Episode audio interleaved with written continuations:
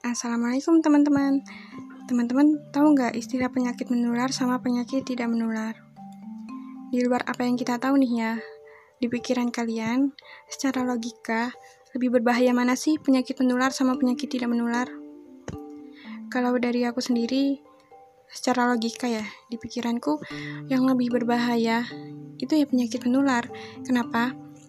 Karena kan penyebarannya cepat. Yang kena satu, eh yang tertular tahu-tahu banyak. Efeknya juga cukup ngeri. Apalagi penyakit menular sekarang makin lama virusnya makin bervarian. Ada yang mutasi lah apalah. Contohnya yang lagi nge-hype zaman sekarang tuh virus COVID-19 kan. Kalau kata Profesor Dr. Sidartawan, seorang chairman Diabetes Connection Care, beliau bilang gini, setiap 8 detik, satu orang meninggal karena diabetes dan komplikasinya. Kemudian untuk COVID-19 sendiri, setiap 16 detik satu orang meninggal. Jadi kalau lihat angka, ya lebih banyak diabetes yang meninggal, gitu kata beliau. Dan ini berita tahun 2020, yang artinya masih dibilang baru. Terus contohnya nih, kira-kira di benak kalian, seberapa besar sih kematian akibat COVID-19?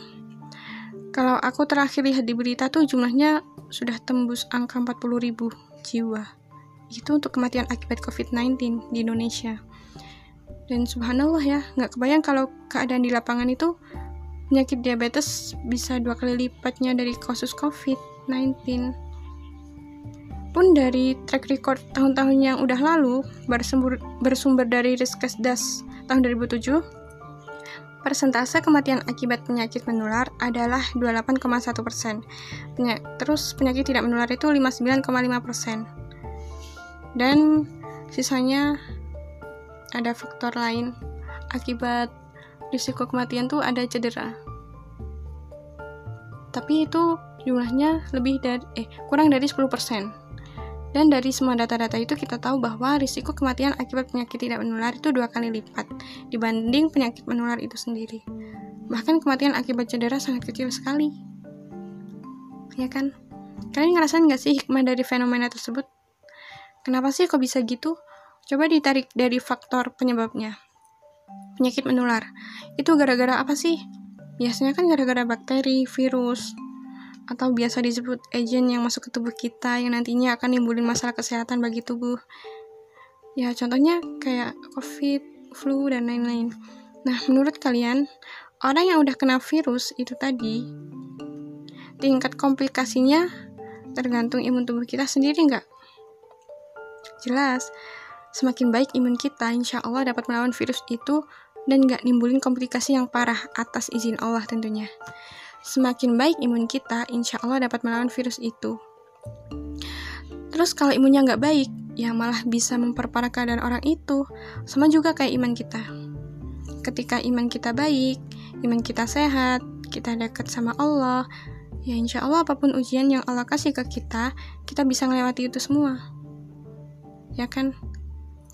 Kalau sedih cepat pulih nggak nggak sampai putus asa apalagi bunuh diri. Terus sekarang bandingin deh sama penyakit tidak menular tadi. Faktor penyebabnya apa sih? Contohnya diabetes hipertensi dan lain-lain. Faktor utamanya kan itu akibat ulah diri sendiri ya yang berkaitan dengan pola makan dan lifestyle. Suka makan sehat nggak? Pola makan diatur nggak ngerokok nggak, minum alkohol nggak, dan lain-lain. Yang hal-hal tersebut tuh mungkin aja tanpa disadari itu dapat merusak tubuhnya sendiri ya kan. Ya meskipun nggak menutup kemungkinan ada beberapa penyakit yang sifatnya genetik, tapi itu pun perlu dijaga juga. Lagi-lagi lifestyle-nya gimana, cara orang tersebut menjaga kesehatannya gimana, apakah memperparah atau enggak. Terus sama halnya juga kayak kita, kita trust nggak ke Allah, kita sering maksiat nggak? Amalnya lebih banyak dari lalainya nggak? Kadang hal-hal yang nggak kita sadari kayak gitu tuh dapat merusak diri kita sendiri, bahkan merusak hubungan kita dengan Allah tanpa kita sadari. Serem kan? Nazubillah.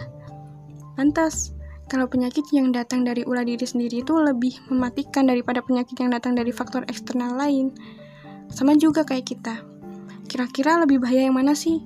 Penyakit kalbu seperti ria, ujub, sombong, dengki.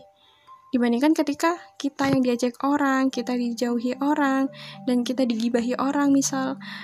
ya tentu lebih bahaya penyakit kalbu. Karena karena dia sifatnya itu silent killer.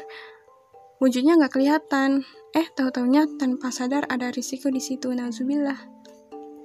Aku coba highlight lagi ya. Memang penyakit didatangkan Allah untuk menguji kita, bahkan bisa juga jadi penggugur dosa kita. Sebagaimana dengan ujian lainnya yang melibatkan iman kita. Itu tuh semata-mata bentuk ujian dari Allah. Seberapa jauh sih kita beriman dan yakin sama ketetapannya? Terus reminder lagi buat aku sendiri dan buat teman-teman juga bahwa kita itu akan memanen apa yang kita tanam. Ketika kita berikhtiar hidup sehat dan memenuhi hak diri kita sendiri, Insya Allah kalian akan mendapat tubuh yang sehat. Pun ketika kita berikhtiar meraih kedudukan yang tinggi di sisi Allah, insya Allah kalian akan mendapatkannya. Semua atas izin Allah tentunya. Makanya kita perlu banget mengejar ridha Allah, mencari rahmat Allah. Oke, sampai di sini. Semangat dan jaga kesehatan. Semoga bahasan kali ini bermanfaat. Maaf jika ada salah kata. Wassalamualaikum.